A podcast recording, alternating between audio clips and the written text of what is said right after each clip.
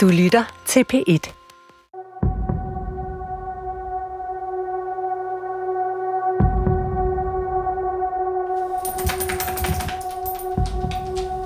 Vejret er dejligt, forårsvejr, og jeg går op til øh, hytte nummer 15. Det er uden for sæsonen. Der er ikke mange gæster endnu. Men hun har ikke set noget som helst til ham de sidste par dage. Og øh, døren den er øh, lukket, og gardinerne er trukket for. Feriehytten ser fuldstændig ubeboet ud. Øh, jeg banker så på døren og, og kalder på ham. Der er ingen reaktion. Det gør jeg to gange. Så tager jeg i, i døren, og den er åben. Han plejer altid at låse sin dør, i hvert fald for natten. Og så kalder jeg Eckhart. Hun går lidt forsigtigt ind i hytten. Og der kan jeg så se, at han ligger på gulvet med hovedet op på sofaen. Og jeg kalder på ham en gang mere, og han reagerer ikke. Hvad er der sket? Sover han? Så går jeg hen til ham og, og kører ham sådan lige hen over håret. Der er intet livstegn i ham. Og så er han jo iskold.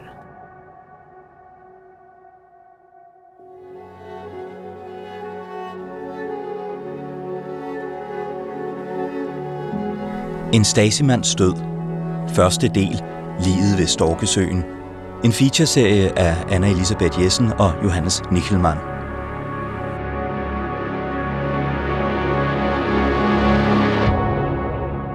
Det er tidligt om morgenen, en aprildag i 2008. Eva Rosenmej finder sin tyske ekskæreste liggende ved siden af sofaen i en feriehytte ved Storkesøen. Et yndet put-and-take og ferieanlæg ved Ribe. Eva er indehaversken af etablissementet. Han har været ved at lave noget mad. Der står i hvert fald en enkelt gryde øh, på komfuret. Men den er vasket af, og alt er ryddeligt. Så ser der pænt og nydeligt ud. Jeg bemærker dog, at hans øh, insulinpind, øh, den ligger på bordet. Det ser ikke ud, som om han har været i gang med at drikke de sidste par dage. Jeg ser ingen flasker. Og han havde ikke låst. Mærkeligt, tænker hun. Og det vil han normalt gøre om natten, indefra. Ja. Fjernsynet gik i øvrigt også. Fordi det tror jeg var noget af det første, jeg gjorde, det var hen og slukke for det fjernsyn. Og et fjernsyn, der kører, også mærkeligt, tænker hun. Fordi hvis man bare ligger dernede og er fuld, så behøver fjernsynet jo ikke at køre. Det var jo min første tanke. Han drikker nemlig en gang imellem alt for meget. Det ved hun. Han er det, man kalder kvartalstranker. Om han har haft besøg af nogen, og fjernsynet har kørt, fordi det var jo lyt i sådan nogle lejligheder. Jeg ved det ikke. Det er, det er gissninger.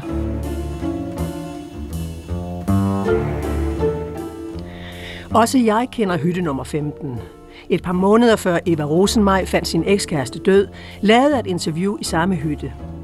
Dengang arbejdede jeg på en tv-udsendelse til Danmarks Radio om det tyske mindretal i Danmark. I hytten befandt sig min kameramand, en tidligere stageagent og mig selv. Navnet på agenten var Eckhard Nicol. Also ich bin bereit, dieses Interview durchzuführen. Erstens, weil ich dich kenne, von früher her. Und zum Zweiten, weil ich äh, sehr gerne in Dänemark gelebt habe und auch wieder hier leben möchte. Jeg er indstillet på at lave det her interview, fordi jeg kender dig fra tidligere. Og fordi jeg har været glad for at bo i Danmark. Det er ikke for at smire nogen, men jeg synes, Danmarks Radio er meget objektiv. Rede nicht über aktive äh, Personen, die heute noch leben. Jeg taler ikke om nulevende personer. Jeg vil aldrig få rådet en agent. Jeg har aldrig bedrevet spionage i Danmark. Jeg har benyttet Danmark som et land, hvor jeg mødtes med agenter. Der er meget frit her. Her kan man lege et sommerhus, og danskerne modtager gerne sorte penge. De Dänen nehmen sehr gerne Schwarzgeld. Mit interview med Eckhard Nicol handlede om hemmelige dokumenter, som han havde tilbudt danske medier om Stasis involvering i det tyske mindretal i Danmark.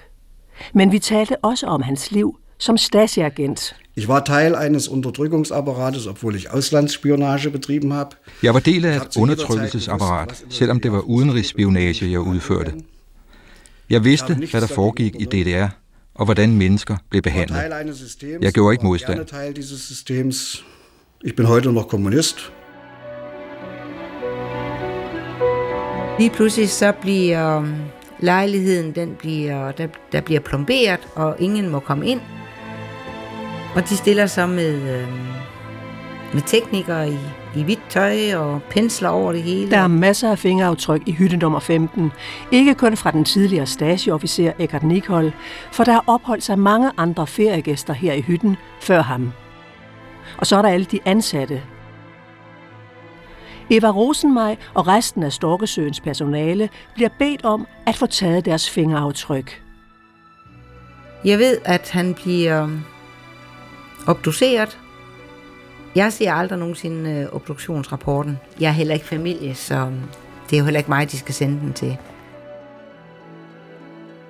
Der blev siden fortalt, at Eckhart Nicol døde af en overdosis insulin. Den tidligere agent havde sukkersyge. Men bliver, I, øh, bliver du afhørt, eller hvordan? Politiet i Ribe beder Eva Rosenmej om at komme ind på stationen. Jeg fortæller, at jeg har levet sammen med ham, og jeg fortæller, at han er tidligere Stasi-officer. Eva ved ikke så meget om, hvad hendes ekskæreste egentlig lavede, men gengiver over for politiet, hvad han har fortalt hende. Det han fortæller mig, det er, at han har været i øh, udenlandsspionage. Jeg har svaret beredvilligt på de ting, jeg blev spurgt om. Eva Rosenmej siger udlandsspionagen. Altså Eckhart Nicol arbejdede for HVA.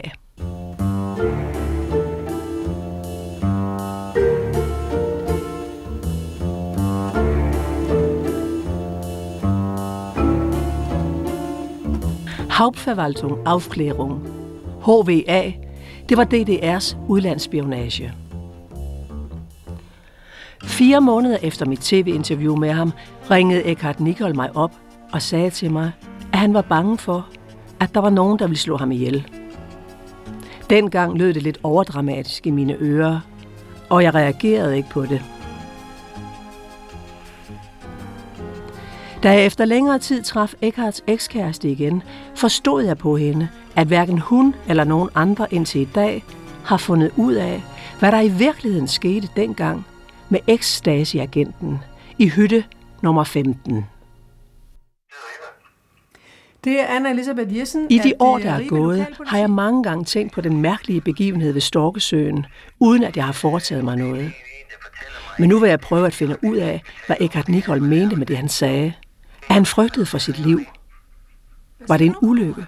Selvmord? Eller sågar mor? Jeg ringer til politiet i Ribe. Jeg vil meget gerne have agtindsigt.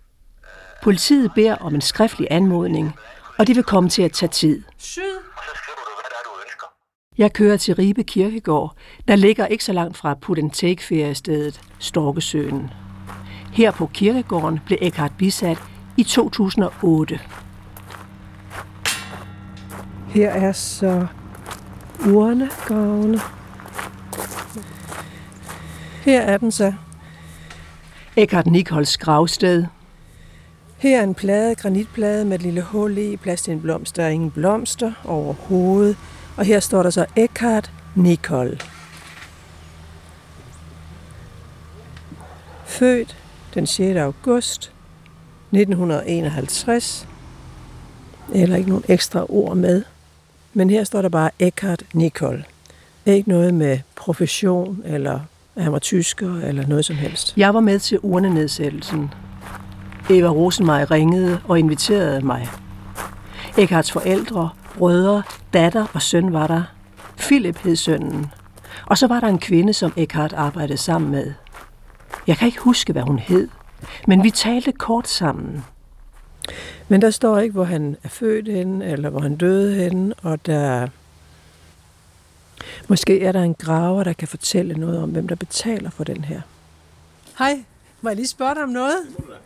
Jeg går rundt og optager her, øh, og vil gerne spørge om noget med, en, øh, med de her urnegraver, der er heroppe. Altså, man, øh, man erhverver dem for, for 10 år gangen.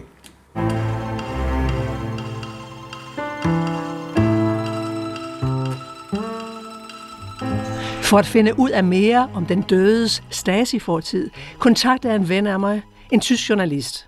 Han hedder Johannes Nichelmann.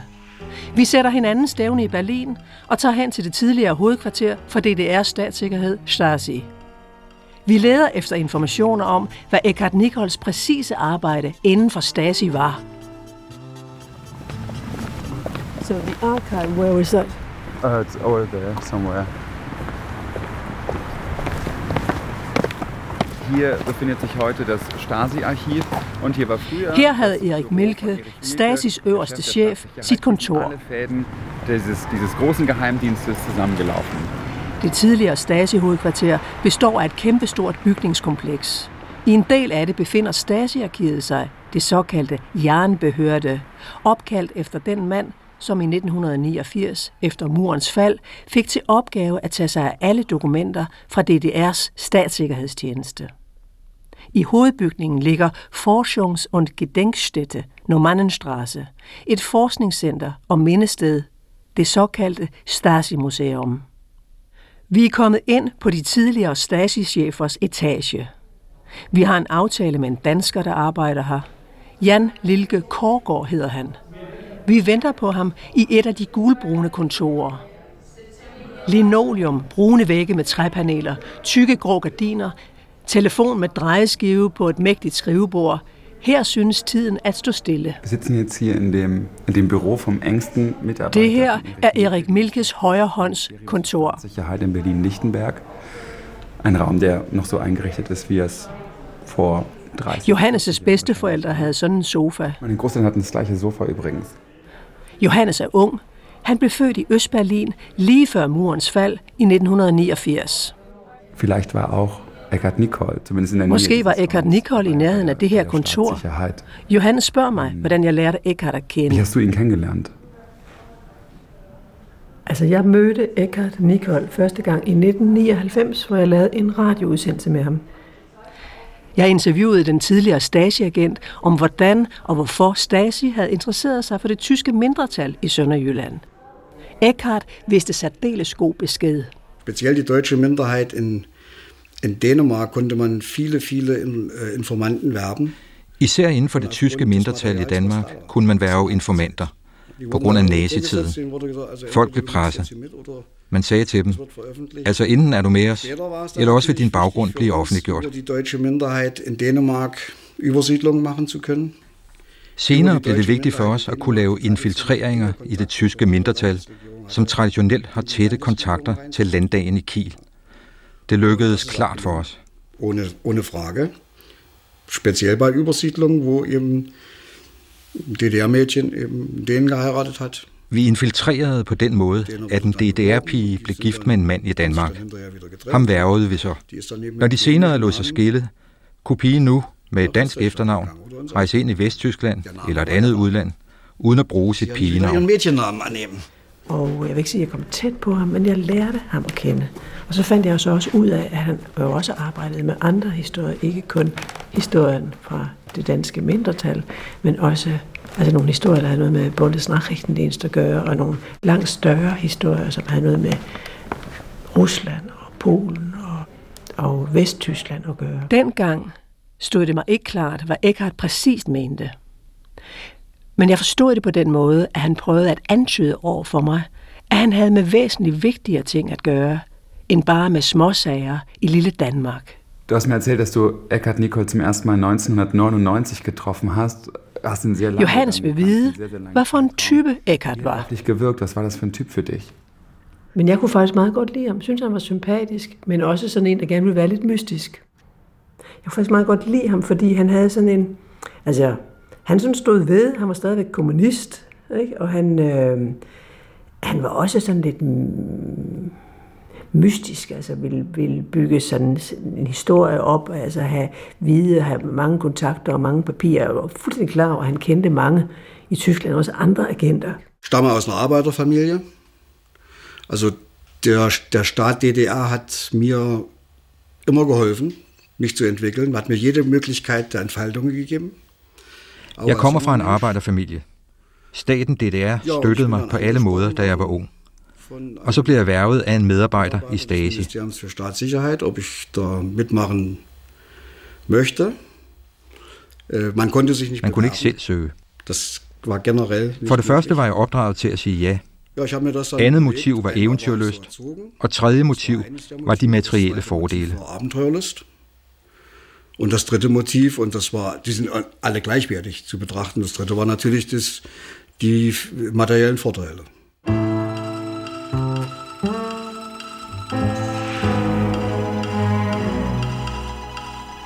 Den danske medarbejder i Stasi-museet, Jan Lilke Korgård, som vi har en aftale med, er kommet.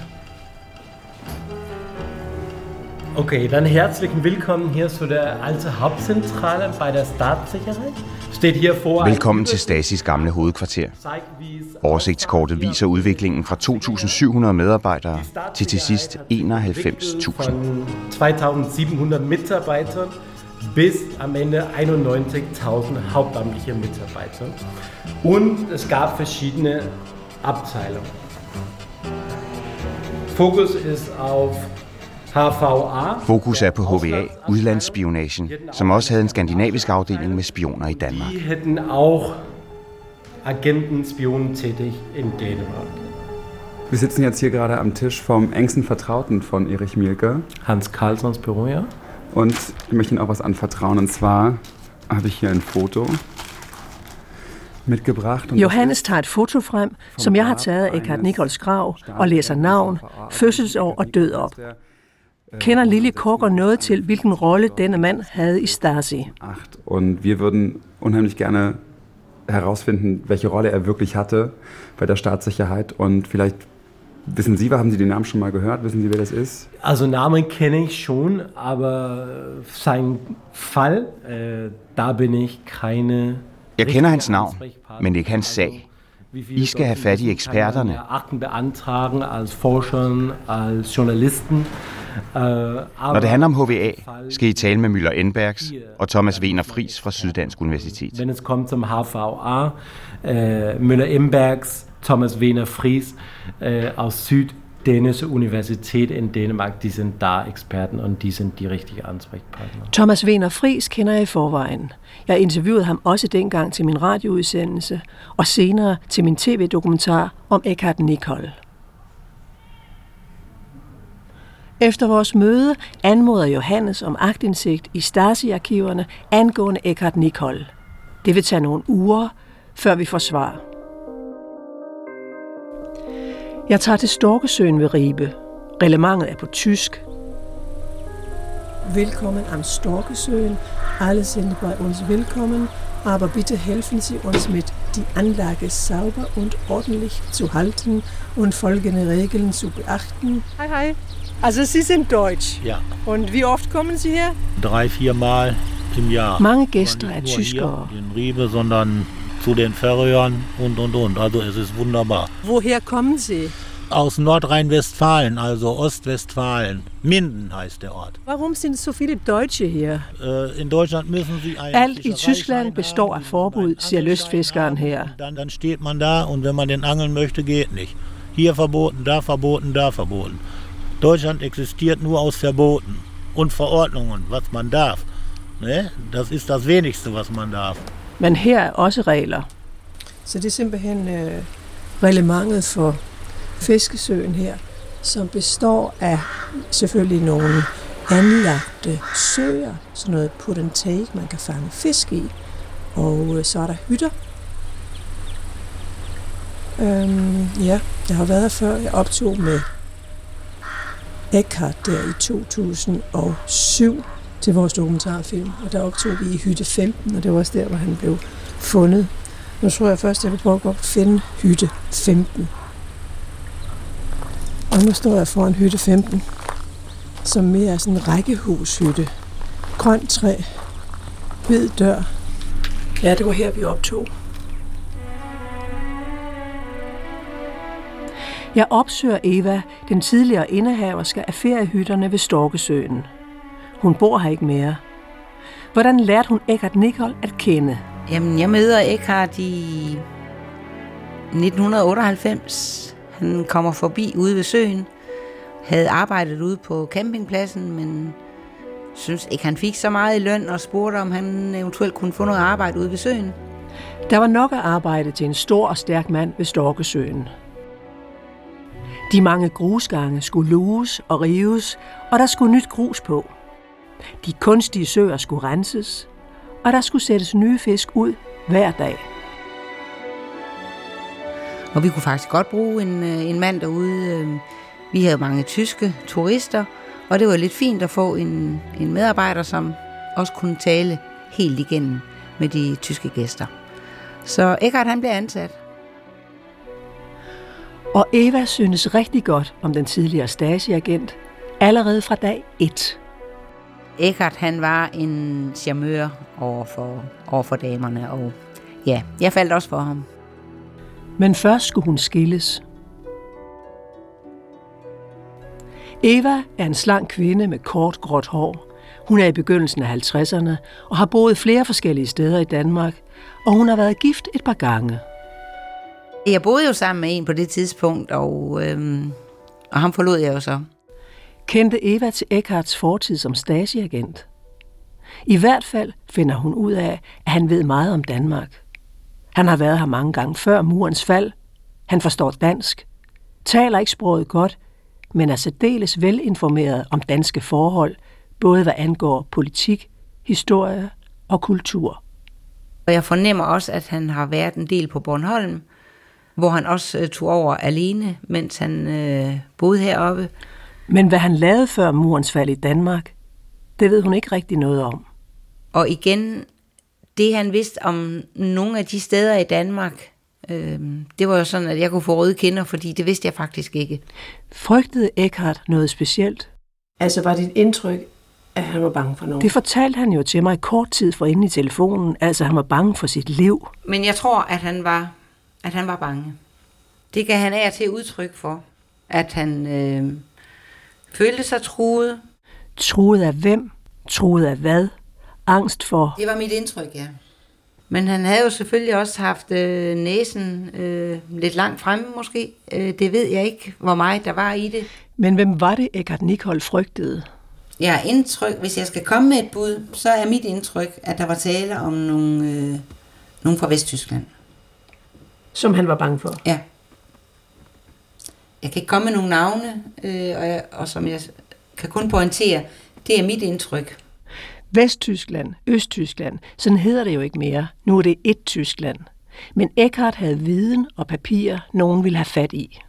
Altså på et tidspunkt, der taler Eckhart om, at han øh, har nogle papirer, som andre kunne være interesseret i.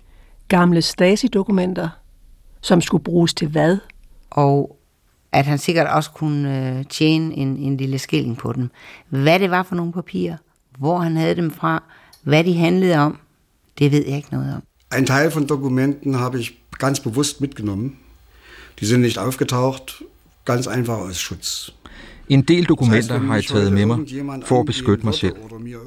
Hvis der er en, der vil mig ondt, kan jeg sige, hold dig væk, ellers står det i avisen i morgen, hvad du har lavet. Steht morgen in der Zeitung, was du gemacht hast.